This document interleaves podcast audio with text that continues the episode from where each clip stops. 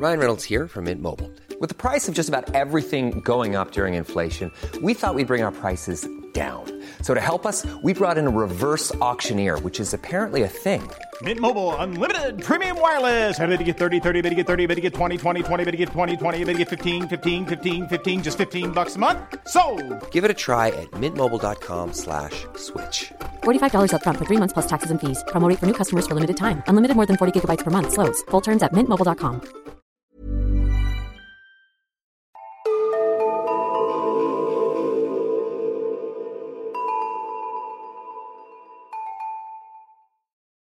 Hej och välkomna till Nära ögat, en true crime-podd för mesar. Mitt namn är Alexandra Kensdottir.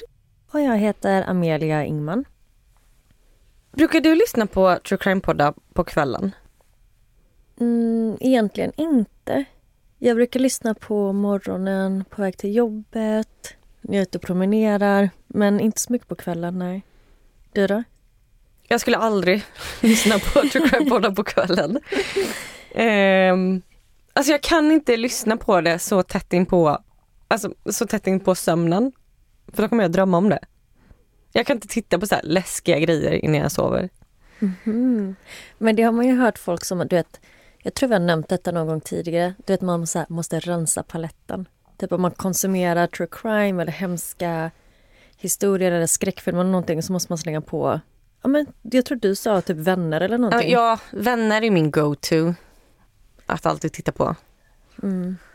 Men vi, vi har ju fått en del kommentarer av er där jag förstår att ni lyssnar på oss på kvällen eller på natten. Ja, så många som säger att de lyssnar på oss när de ska sova. Ja. Och jag vet att vi har en true crime-podd för mesar. Så det är inte super, super läskiga utfall. Men jag tycker fortfarande ni är väldigt modiga. ja. Men ja, väldigt, väldigt sjukt. Mm, jag vill gärna veta när ni lyssnar. Är ni galna personer som lyssnar på kvällarna eller på natten? Eller är ni som mig som bara kan lyssna lite mitt på dagen för att sen titta på lite härlig romcom på kvällen istället? ja, exakt. Skriv in och kommentera. Men kommer dagens fall bli läskigt? Ganska. Plus, ja det är min tur idag då. Och som jag har fått höra förr så har jag ju en ganska sövande stämma. Så godnatt, nu kör vi. How would you like to look five years younger? In a clinical study, people that had volume added with Juvederm Voluma XC in the cheeks perceived themselves as looking five years younger at six months after treatment. Look younger, feel like you. Add volume for lift and contour in the cheeks with Juvederm Voluma XC. Reverse signs of aging by adding volume to smooth laugh lines with Juvederm Volure XC. For important safety information and to find a licensed specialist, visit juvederm.com. That's J U V E D E R M.com. Not for people with severe allergic reactions, allergies to lidocaine, or the proteins used in Juvederm. Common side effects include injection site redness, swelling, pain, tenderness, firmness, lumps, bumps, bruising, discoloration, or itching. There's a risk of unintentional injection into a blood vessel, which can cause vision abnormalities, blindness, stroke, temporary scabs, or scarring. Talk to a licensed specialist to find out if it's right for you. Millions of people have lost weight with personalized plans from Noom. Like Evan, who can't stand salads and still lost 50 pounds. salads generally for most people are the easy button, right? For me, that wasn't an option. I never really was a salad guy. That's just not who I am. But Noom worked for me. Get your personalized plan today at Noom.com. Real Noom user compensated to provide their story. In four weeks, the typical Noom user can expect to lose one to two pounds per week. Individual results may vary.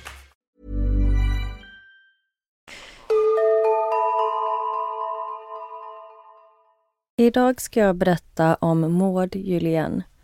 Och detta fall har vi blivit tipsade om av Sanna. Så tack Sanna för tipset. Och jag bör nog varna faktiskt för att det är ett ganska hemskt fall där barn far illa. Mina källor är en artikel av The Guardian, New York Times, ett Youtube-klipp av El Romanova, boken Only Girl in the World och Wikipedia. Det här fallet börjar långt innan Maud föds med en man som heter Louis Didier. Han är fransk, jag kan inte uttala det. Louis föddes 1902 och växte upp i en fattig familj i Frankrike. 1936, när Louis är 34 år gammal, har han kommit ganska långt i sin karriär och han äger en bilhandel och bor nu i en stad i norra Frankrike. Louis är väldigt troende och han anser sig ha en väldigt djup och unik förståelse för universum, hur det fungerar, vad det behöver och vad vi behöver göra för att uppfylla universums behov. Så han håller ständigt på med olika uppdrag för att lyckas uppfylla allt det här. Och hans tro innebär att han tror att vår värld är förlorad och att ondska och mörker sprids över världen och det enda sättet för oss att bli räddade är genom Messias. Louis tror att den utvalde, eller Messias då, kommer ha övernaturliga krafter som ska hjälpa dem besegra all ondska i världen. Låt mig gissa. Han måste ha sex med jättemånga kvinnor och barn. Och det är så hemskt att skratta, men nästan. Nästan. Det känns klassiskt sekter. Och ja, Assa, du var ju lite inne på det nu då, men Louis anser att han bör vara den som skapar Messias. För han tror inte att en redan vuxen person går att forma till en övermänniska eftersom vuxna personer redan är så påverkade av mörkret runt omkring dem. Utan han menar att ett barn måste fylla den här rollen. Och Louis tycker att han skulle vara den mest perfekta föräldern med perfekta värderingar för att uppfostra en perfekt Messias. Och om han hade kunnat skaffa barn på egen hand så hade han gjort det. Men han behöver hitta en lämplig mamma. Men även här så anser han att en vuxen kvinna redan är för påverkad av mörkret och samhället och därför inte lämplig att föda Messias. Så Louis kommer i kontakt med en fattig familj som har åtta barn. Och föräldrarna har det väldigt svårt och de har knappt råd med mat och kläder till barnen och de har heller inte råd med utbildning. Så Louis kommer med ett förslag till pappan i familjen. Och han säger att han kan adoptera en av deras döttrar och att han då kommer se till att den här flickan får allt som hon kan tänkas behöva. Men på ett villkor. Och det är att föräldrarna aldrig igen kommer få träffa sin dotter. Och i tron om att han ger sin dotter ett bättre liv så går pappan med på det här. Plus att det kommer även förenkla tillvaron för han och hans fru och resten av barnen. Men Louis berättar såklart inte att planen är att han ska göra den här flickan till sin fru. Louis är då 34 år och flickan som heter Janine är 6 år. Janine flyttar med hem till Louis och efter ett tag så skickar han henne till en internatskola. Det är väldigt viktigt för Louis att hon ska vara intelligent och att hon ska uppfostra deras framtida gemensamma barn enligt hans instruktioner. Janine ska ansvara för att undervisa barnet och hon måste även vara en smart partner till Louis. Men det är en balansgång för det är som sagt väldigt viktigt med utbildning enligt Louis samtidigt som han vet att ju mer utbildning Janine får desto större är chansen att hon inser att det han gör är fel. Och han börjar väldigt tidigt manipulera och hjärntvätta henne med sin tro och sina värderingar om att världen är en ond och mörk plats och att den måste räddas. Han berättar även att det är hon som måste föda och uppfostra Messias. Så Janine växer upp i tron om att det är hennes livs syfte. Och när hon väl blir gravid så är hon under intrycket att det är något hon själv vill. Louis hade ingen brådska med att hon skulle skaffa barn utan det var viktigast att alla förutsättningar skulle vara rätt först. Så när Louis är 56 år gammal och Janine är 28 så gifter de sig och kort därefter blir Janine gravid.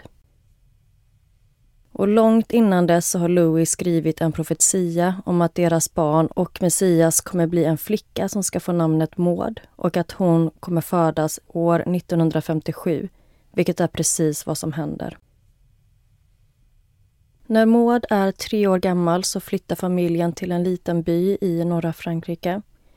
Louis slutar arbeta som bilhandlare och köper ett hus till familjen och nu börjar föräldrarna jobba på att forma Maud till en övermänniska. Detta genom att hjärntvätta och tortera henne och huset blir som ett fängelse för Maud under hela uppväxten. Louis vill inte att hon ska påverkas av omvärldens mörker och de låter henne knappt lämna huset eller ens gå ut på trädgården. Louis säger till Maud att det överallt finns människor som vill kidnappa henne, till och med på deras tomt. Och hon tillåts inte ens titta ut genom fönstren. Hon hålls mestadels i ett rum utan fönster. Och om hon går in i ett rum som har fönster så måste de direkt dra igen gardinerna. För Louis menar att det finns prickskyttar som konstant övervakar deras hem och är ute efter att skjuta Maud. Hon tillåts inte att gå i skolan utan Janine hemskolar Maud. Men det har Janine tränats för sedan hon själv var ett barn. Så Maud får en ganska bra utbildning av sin mamma. Men hon tvingas studera tio timmar om dagen från väldigt ung ålder. Och utöver traditionella skoluppgifter så utbildas hon av Louis i stort sett dygnet runt i att bli en övermänniska. Han tränar henne i att motstå smärta, rädsla, trötthet, skam samt hur man överlever krig och fångläger. Så Louis skapar olika typer av tester för Maud att genomföra. Exempelvis så ser han till att hålla huset väldigt kallt, framförallt Mauds rum som är helt utan värme. Hennes sängkläder tvättas aldrig så hon sover i smuts. Och hon har en väldigt tunn och hård madrass. Och Maud tillåts bara att bada en gång i veckan och då tvingas hon använda Louis och Janines gamla smutsiga badvatten. Detta typ för att härda henne. Och bekvämlighet är en svaghet. Och Louis menar att känslan av bekvämlighet måste tryckas undan. Och hon fick exempelvis inte sitta på en stol med ryggstöd utan bara använda en pall. Det här känns så skevt. För tror den här mannen att han gör något bra för världen genom att typ tortera sitt barn? Ja, han tror att han förbereder och formar Maud för att liksom rädda världen. Och jag har egentligen inte fått någon uppfattning kring vad den här tron grundar sig i men det handlar liksom om att bekämpa mörkret. Och man måste då vara en helt ren människa från mörker då för att kunna göra det. Men det här är ju inte en stor sekt, det här är ju en ensam galning som då adopterar först ett barn och hjärntvättar det, skaffar barn med det här barnet som han egentligen adopterade som, ja, när hon blev mm. vuxen. För att sen skaffa ett barn och det är en sån långsiktig plan som känns... Ja, verkligen. Han är ju ganska gammal när han blir pappa till Maud. Och det är mycket diskussioner kring det här med en tvåmannasekt. Mm. Var drar man gränsen mellan offer och gärningsman? För Janine är själv ett offer, mamman då. Mm. Men hon är ju samtidigt med på hur de behandlar Maud för att hon tror ju på pappan Louis tro. För att hon blev hjärntvättad sedan hon var sex år gammal. Exakt, och Maud själv kallar detta för en tvåmannasekt. Jag tror aldrig jag hört om det tidigare, att det är liksom Nej. på det här sättet. Nej, inte jag heller. När Maud ska fylla sex år så ser hon fram emot sin födelsedag och hon vill fira och att de ska göra något kul och hon är supertaggad. Men Louis gillar inte detta. Han vill ha en känslokall dotter. För enligt honom så kommer det underlätta för henne när det blir dags för Maud att möta den riktiga mörka världen. Så Louis ställer in allt födelsedagsfirande och efter det så firar de aldrig Mauds födelsedag igen. Louis säger till Maud att högtider och fester gör att folk glömmer bort de faktiska strider som pågår. Under andra världskriget så var Louis med i motståndsrörelsen och där grävde han tunnlar för att hjälpa judar fly till Belgien. Och under kriget insåg Louis att musik kan rädda liv och många människor i fångläger använde sig av musik för att överleva tiden i fångenskap. Så därför bestämmer sig Louis för att musik är en stor och viktig del av Mauds utbildning. Men han kan inte riktigt förutspå vilket instrument som kommer vara viktigast för henne, så hon får lära sig flera olika. Och Louis är under uppfattningen om att ett tredje världskrig kommer bryta ut. Och han är då övertygad om att Maud kommer hamna i ett fångläger. Och om hon då kan spela musik så kommer det underlätta för henne. När det är dags för Maud att lära sig simma så gräver Louie en stor grop i trädgården som han fyller med vatten likt en pool. Men det finns inga väggar eller golv eller något utan det är bara jord så vattnet är väldigt smutsigt och grumligt. Sen säger Louie till Maud att krypskyttarna är borta för tillfället och att det är okej för henne att komma ut. Sen lyfter han upp henne och kastar ner henne i vattnet. Och Maud kan som sagt inte simma så hon kämpar med att hålla sig över ytan och hon får knappt någon luft och hon håller på att drunkna. Men till slut så tillåter Louis att mamma Janine får sträcka ut en pinne till Maud som hon kan greppa tag i och dra stå upp ur vattnet. Och under tiden så har Louis bara stått och kollat på utan att göra någonting alls. Och det är i stort sett så här som all så kallad utbildning ser ut för Maud. Hon tvingas in i situationer där hon själv är tvungen att komma på hur hon ska lösa dem och på så sätt får hon lära sig själv. Och när hon blir rädd eller ledsen eller börjar gråta så slår Louie henne och bestraffar henne. För han hatar när Maud visar några typer av känslor överhuvudtaget och försöker därför träna bort det. De har ett elstängsel på baksidan och Louis tvingar Maud att hålla i det i tio minuter åt gången, minst två gånger i veckan. Så hon tvingas då få elstötar och får inte visa några känslor alls när detta sker. Så hon lär sig att stänga av och trycka undan alla sina känslor så ingen ska kunna se dem, framförallt inte Louis. Och detta är såklart inte hälsosamt utan det leder till att Maud utvecklar ett självskadebeteende. Och hon slår bland annat huvudet mot väggen och klöser sin hud. Och för henne så blir detta ett utlopp för sina känslor. En vanlig dag för Maud brukar se ut så här. Hon går upp vid sextiden på morgonen och städar sitt rum. Sen gör hon sig i ordning för dagen. Och Sen går hon in i Louis rum och tänder en svag lampa så att han kan vakna behagligt. Sen öppnar hon gardinerna och Louis stiger upp. Efter det går Maud och hämtar en potta för Louis att kissa i. Och Hon tvingas då hålla i pottan när han kissar, vilket verkligen äcklar henne. Och Pottan är gjord i glas, så efter Louis kissat klart så måste Maud inspektera färgen på urinen för att se så att Louis är tillräckligt hälsosam. Efter det så hjälper Maud Louis att klä sig. Under tiden så gör Janine i ordning frukost åt Louis och efter det så måste Maud hjälpa till med olika hushållssysslor och mata familjens djur för att sen från klockan nio på morgonen till sju på kvällen ha undervisning med sin mamma. Efter det så måste hon hjälpa till med ytterligare hushållssysslor och hon får även utstå olika tester och övningar som Louie tvingar henne utföra. Och kvällen avslutas sen med att Maud måste hjälpa sin pappa göra sig i ordning för att sova och efter det städar hon toaletten. Och hon måste sen vänta inne i Louis rum och stanna kvar där tills han har somnat. Och först efter det så får hon själv gå och lägga sig, vilket vanligtvis är runt 11 på kvällen. Maud har ingen fritid eller lediga helger. Hon spenderar all sin tid med att antingen studera, jobba eller hjälpa till med saker i hemmet. Och visar hon några tecken på att hon är trött eller utmattad så blir föräldrarna irriterade och arga på henne. Och som straff så kan de sluta prata med henne och helt ignorera Maud i månader. Och trots att de behandlar henne illa så är det extremt påfrestande för Maud att bli ignorerad. För Louis och Janine är de enda personerna i Mauds liv.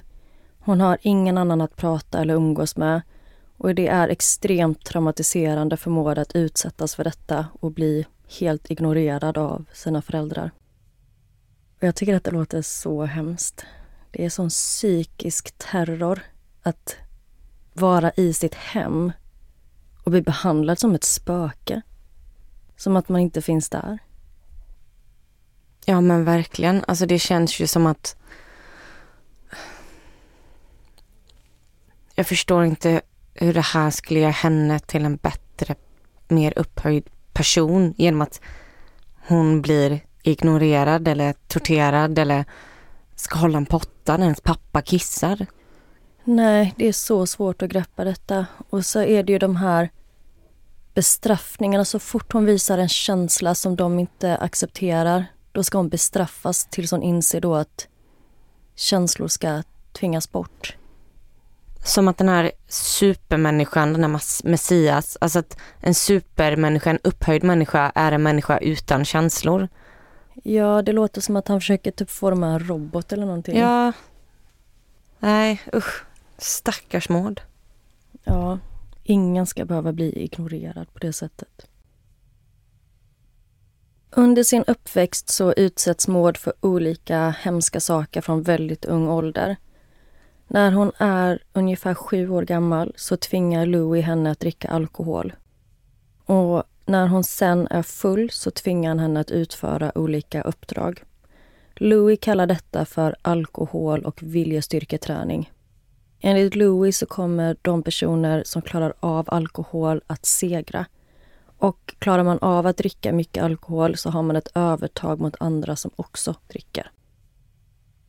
Så från ungefär sju års ålder så får Maud regelbundet alkohol för att öva på att hantera sprit och vänja sig vid att dricka och att vara full. Och enligt Louis så fyller detta två syften. Det första är att om någon skulle försöka supa Maud full för att få ut information från henne så kommer de att misslyckas. Och det andra är att om Maud i sin tur kan dricka med någon som hon vill få ut information från så kan hon lyckas med det samtidigt som hon kommer vara klar i huvudet. Och allt handlar om hur Maud på bästa sätt ska överleva ett framtida krig. Louis vill att hon ska vara förberedd och ha bästa tänkbara verktyg att överleva och manipulera andra människor. Andra saker som Louis gör under deras viljestyrketräningar är bland annat att han tar ut Maud på tomten där han tvingar henne snurra runt och runt så att hon blir helt yr och desorienterad. Sen skriker han antingen gå ut till höger eller gå ut till vänster. Och då måste Maud genast sluta snurra, vända sig åt det håll han beordrar och gå i en spikrak linje. Men eftersom hon är så desorienterad så vet hon knappt vad som är höger eller vänster. Och en dag när de gör det här testet så får hon panik för hon inser att hon klarar inte av det. Vilket gör Louis arg och han tvingar henne genomföra övningen om och om igen tills hon lyckas. Louis utsätter Maud för militärliknande övningar. Och när det är kolsvart ute, runt tre på morgonen ungefär, så kan Louie plötsligt väcka Maud och då har hon 30 sekunder på sig att klä på sig och ta sig ut på trädgården där hon tvingas genomföra en hinderbana som hon knappt kan se på grund av mörkret. Och Maud är väldigt mörkrädd. Men det spelar ingen roll och det hjälper inte att hon är trött och kall utan hon måste genomföra hinderbanan innan hon får gå och lägga sig igen. Samtidigt så står Louie inne i huset och tittar på genom ett fönster. Men i och med att det är så mörkt så är det ganska svårt för honom att se henne. Så efter varje sektion i hinderbanan finns en lampa som Maud måste tända för att visa att hon har klarat av varje del. Och det tar vanligtvis flera timmar för Maud att avsluta hinderbanan. Men det påverkar inte hur hennes nästkommande dag skulle se ut utan hon var ändå tvungen att gå upp klockan sex på morgonen och sen var det rutiner som vanligt.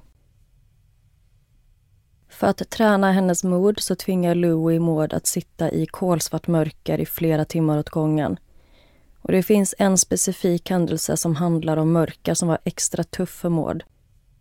En natt så väcks hon av Janine som ber henne följa med ner i källaren. Det är iskallt där nere och Maud har bara pyjamas på sig och är barfota. Och när de kommer ner till källaren så är Louis redan där. Han står i mitten av rummet jämte en stol. Louis sätter sedan Maud i stolen och säger att hon ska stanna där. Att hon inte får röra sig och att hon ska meditera över döden och öppna upp sin hjärna. Maud förstår inte vad det är han menar allt hon hoppas är att de inte ska lämna henne ensam där nere i det kalla, mörka rummet. För utöver mörker så är Maud även väldigt rädd för råttor och det kryllar av råttor nere i källaren. Men föräldrarna lämnar henne. De går upp, släcker lampan och låser dörren bakom sig. Maud är livrädd, men hon vågar inte röra sig för hon vill inte att råttorna ska höra henne och närma sig. Och Hon kan inte se något överhuvudtaget för det är noll ljusinsläpp i det här mörka rummet. Och innan Louis lämnat henne så sa han att hon skulle passa sig för att öppna munnen. För då kan råttorna krypa in i den och äta upp henne inifrån.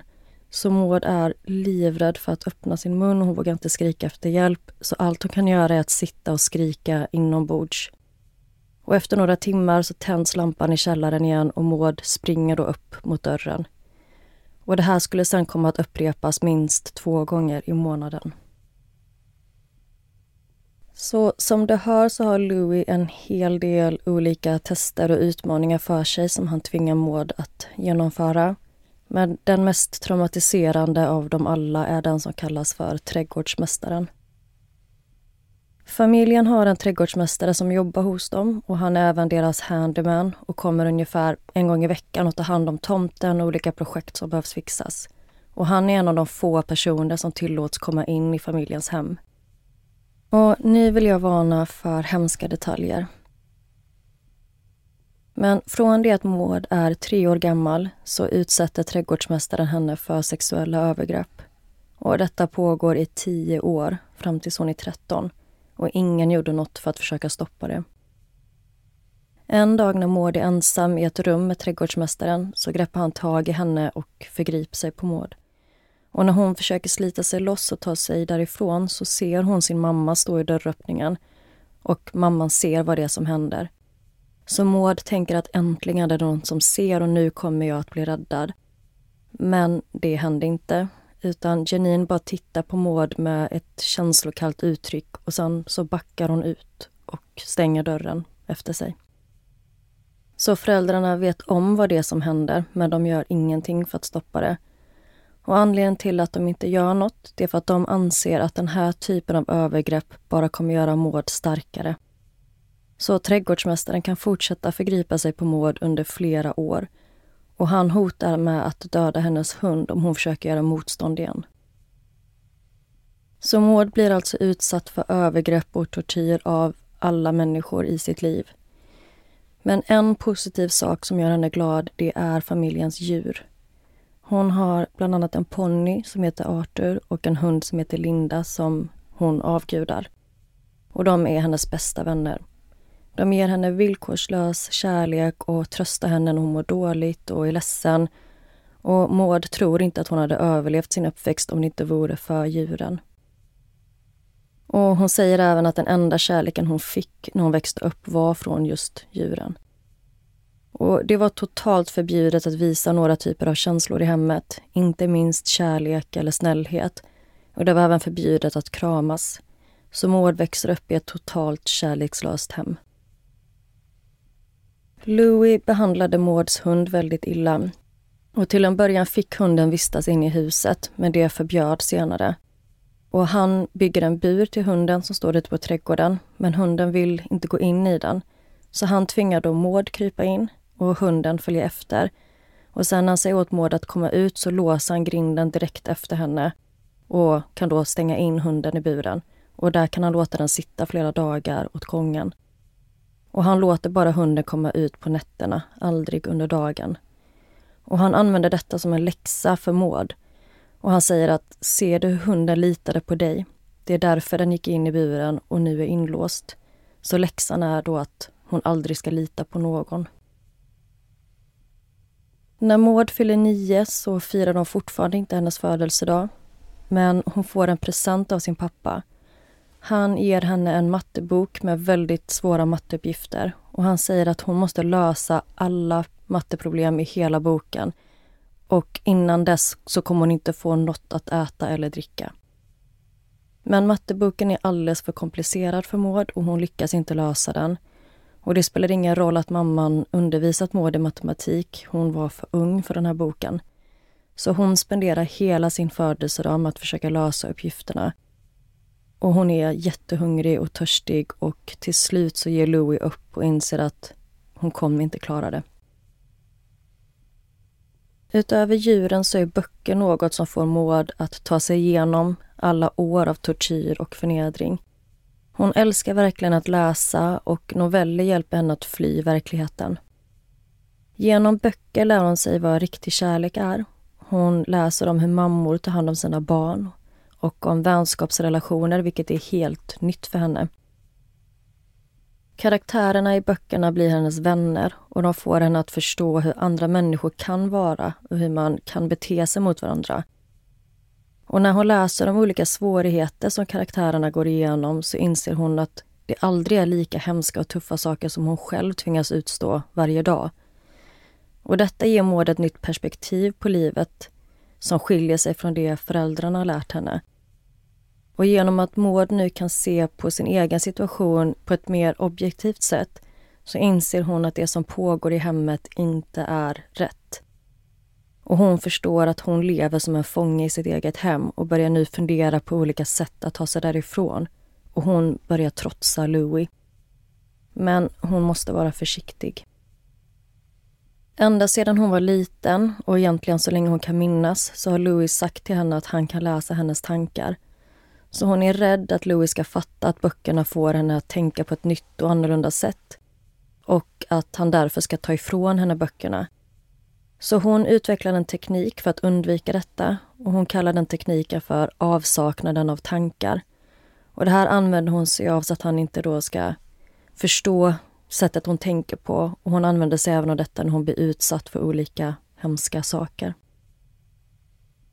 Ju äldre Maud blir, desto mer självförtroende får hon. En dag beordrar Louis henne att spela dragspel för trädgårdsmästaren och lämnar sedan Maud ensam med honom. Trädgårdsmästaren försöker då förgripa sig på henne, men hon kämpar emot och hon slänger till och med dragspelet på honom.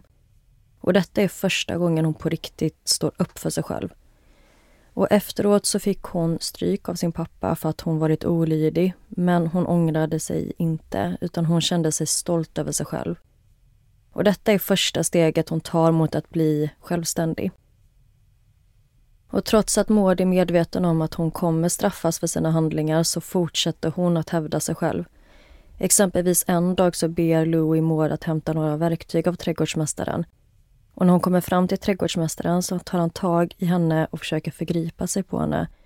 Men Maud bara stirrar honom rakt i ögonen med en iskall och självsäker blick som säger att hon inte längre är rädd för honom.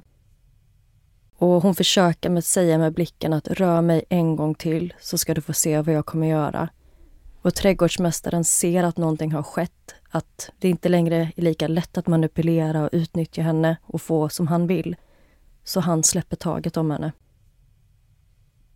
När Maud är 15 år gammal så har hon kommit väldigt långt i sin utbildning och det är dags för henne att ta de prov som krävs för att få ett fullständigt gymnasiebetyg. Men hon är tvungen att göra de här proven i en riktig skola. Och dagen hon åker för att göra proven är första gången någonsin som hon får lämna familjens hem sedan de flyttade dit när hon var tre år.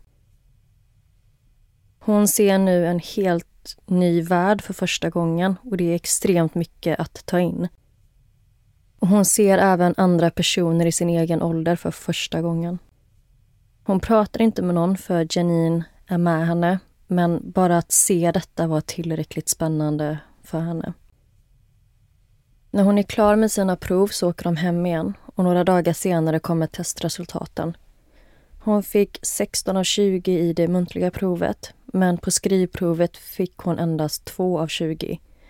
Och Maud tror att detta kan bero på att mammans utbildning var väldigt fokuserad på filosofi, att mammans läroplan inte var densamma som skolans och Janine är inte en utbildad lärare och hon har heller inte så bra koll på omvärlden. Men Mauds föräldrar skyller såklart allt på henne. Att hon inte jobbar tillräckligt hårt och att hon inte vill få bra betyg. Men ett ämne som Maud är väldigt duktig inom är musik. Och Janine har redan lärt ut allt hon kan inom det området. Så 1972 anlitar föräldrarna en ny musiklärare till Maud och han heter Andrei Malone. Andrei är den enda människan i Mauds liv som behandlar henne bra. Och det dröjer inte länge innan Andrei inser att det är något som inte stämmer i familjen och han vill hjälpa Maud att ta sig därifrån.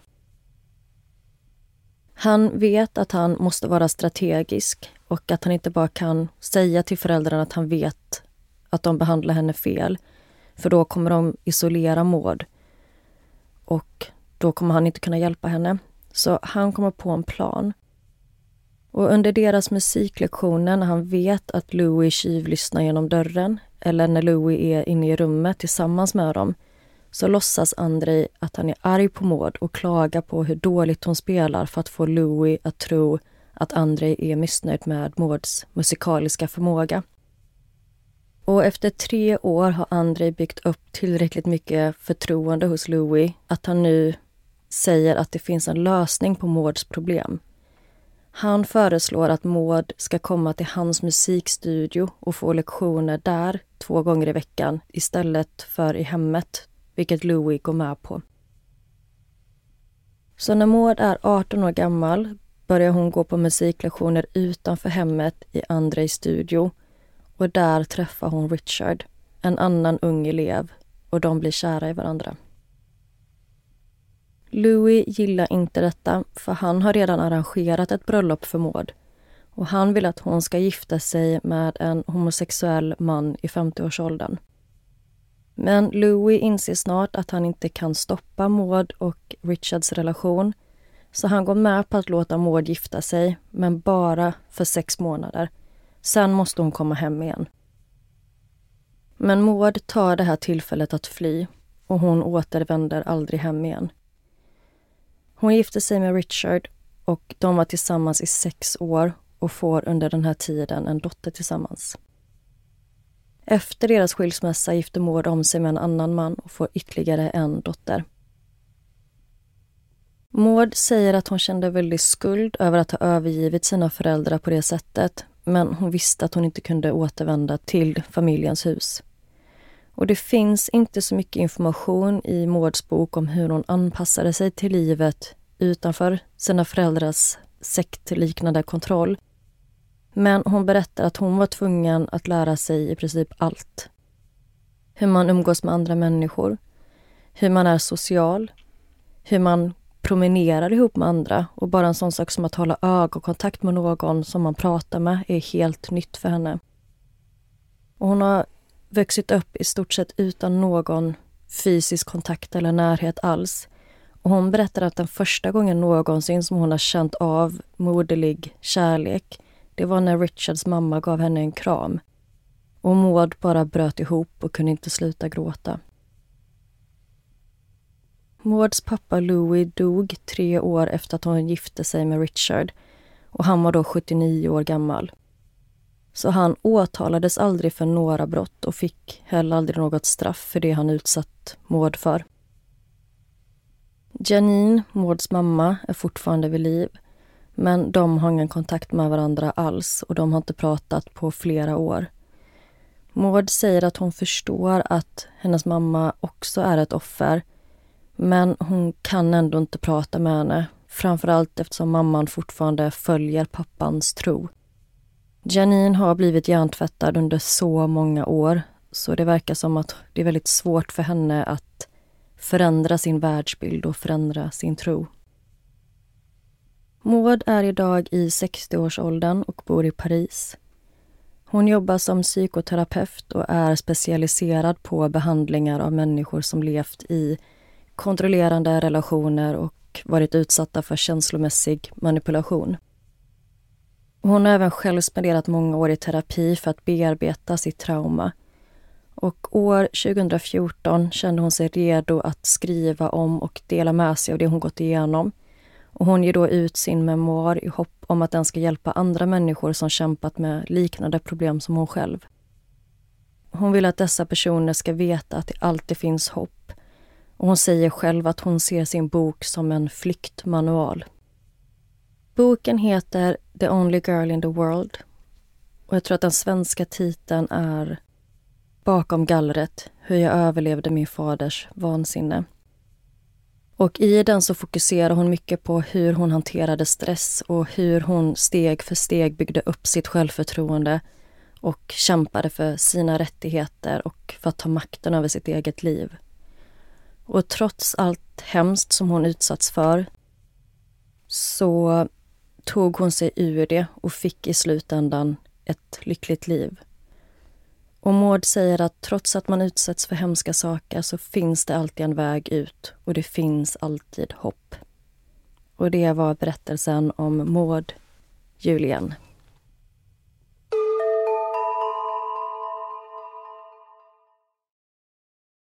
Vilken svår berättelse, eller vilken, vilket svårt fall. För å ena sidan blir man väldigt inspirerad av henne och liksom hur stark hon är idag och hur hon tog sig igenom det här. Men å andra sidan så blir det lite så här antiklimax, man blir så sur för att farsan aldrig fick några konsekvenser, eller mamman. Ja, jag vet. Och det är också typ ovanligt i den här typen av fall att det är en så långsam process till frihet. Mm.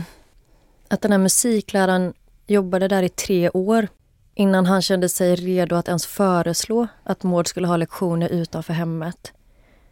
Och jag förstår inte varför inte de bara kontaktade socialen eller polisen Mm. eller att inga flaggade tidigare för att någonting var fel. Men det är det som känns så svårt med så homeschooling.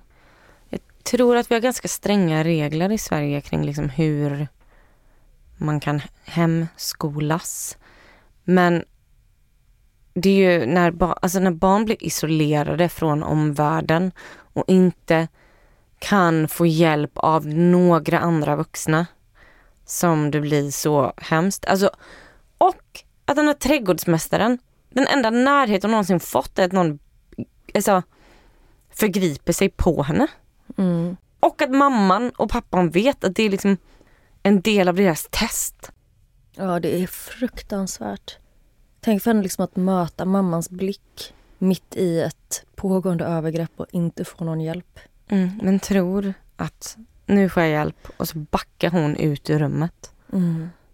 Och det är ju jätteproblematiskt för Maud när hon väl själv blev mamma. Att ha Mm. vuxit upp utan någon form av moderlig kärlek.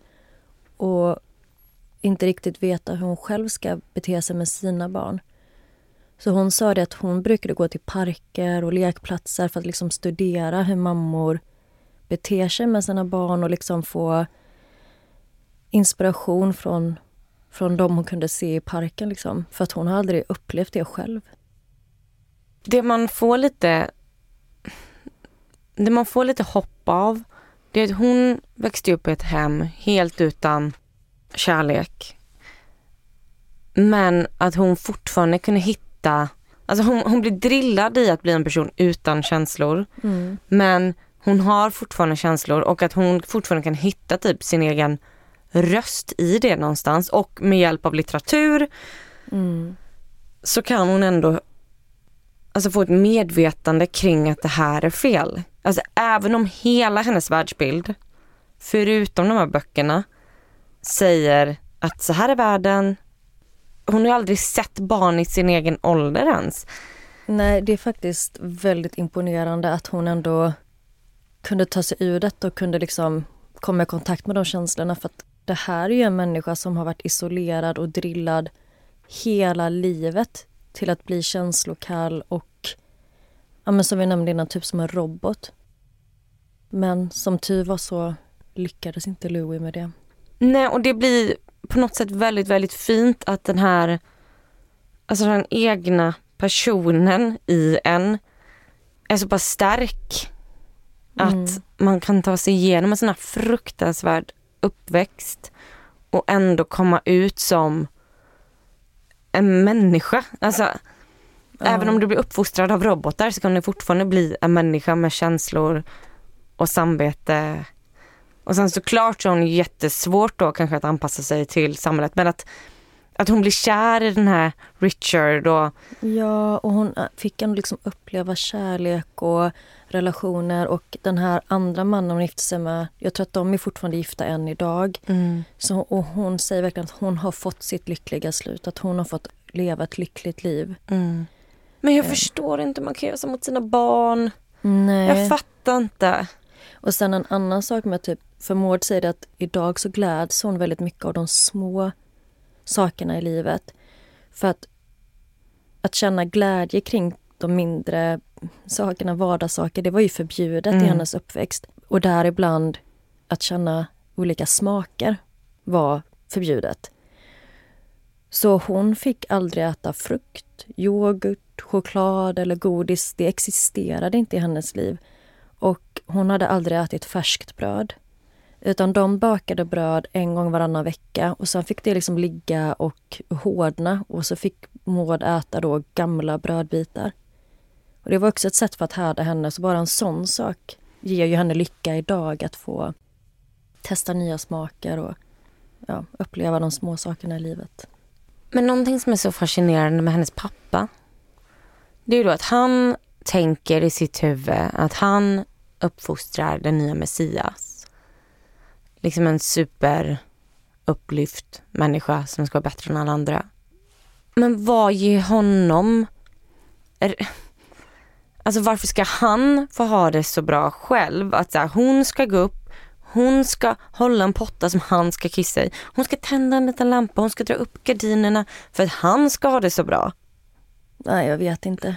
Återigen, det handlade bara om att hon skulle bli härdad, känslokall, klara allt i ett kommande krig. Men det är liksom hans tro, det är att de måste besegra mörkret i världen. De måste besegra det hemska som pågår runt omkring oss. Men han fyller ju bara hennes liv med mörker och mm. hemskheter. Så han är ju roten till det onda mm. i Mauds liv. Och Maud ska då bekämpa det onda i världen. Jag förstår inte den nej, träningen. Och det, nej, och det här känns ju liksom... Den här domedagsprofetian som alltid finns i sekter och hur det enda sättet det är han har fått någon uppenbarelse av att han måste uppfostra Messias. Mm. Och att, som du säger, de är bara två mm. i den här sekten. Visst, man har typ aldrig hört om det för. Nej. Att hjärntvättning, visst, men jag vet inte, det här kanske inte är klassat som en sekt eh, officiellt. Men det har ju verkligen den känslan och ja, just som du säger att man följer en viss tro, man följer en ledare. Eh. Mm. En uppenbarelse. Mm på något sätt så har han ju en förklaring till varför han är ond. Det är inte bara så att han misshandlar sitt barn. Han misshandlar sitt barn för att hon ska bli en bättre person. Mm. För att hon är Messias typ. Och det sjuka är att det har varit planerat så länge. Det är inte bara så att han börjar slå henne hit och dit utan han har ju då planerat det här Alltså från att mamman till barnet var sex år gammal och innan det. Tänk att mamman levde 22 år med Louie innan hon blev gravid. Så mm. i 22 år så drillade han henne och förberedde henne för ett syfte. Och det var att uppfostra och utbilda Messias. Mm. Man bara önskar att han hade plockats upp av något system som hade hjälpt honom innan det gick så här långt. Ja, och de var ju ganska isolerade. För Louis han ansågs vara ganska rik. Alltså han hade ju sålt sin bilhandel och köpt den här fastigheten som familjen bodde på och den låg ganska avlägset. Så jag vet inte hur långt det var till närmsta granne men det känns som att det var väldigt få personer som hade insyn i familjen. Ja, och mamman hon hade ju ingen familj kvar för att hon blev bortadopterad med ett villkor att mm. de aldrig fick ha kontakt med henne. Precis. Nej, ett um, väldigt spännande um, och hemskt fall som ändå, man blir, man blir ändå lycklig av att hon, hon är lycklig. Ja. Så tack igen till Sanna som skickade in det här tipset. Det var väldigt intressant att göra research om detta. Mm. Och ni hittar som vanligt bilder på vår Instagram där vi heter Nära ögat podd. Vi heter också det på Facebook där bilderna också hamnar. Så ja, in där och kika och skicka in tips på fall som ni vill att vi ska ta upp så hörs vi igen nästa vecka. Ha det fint! Hej då!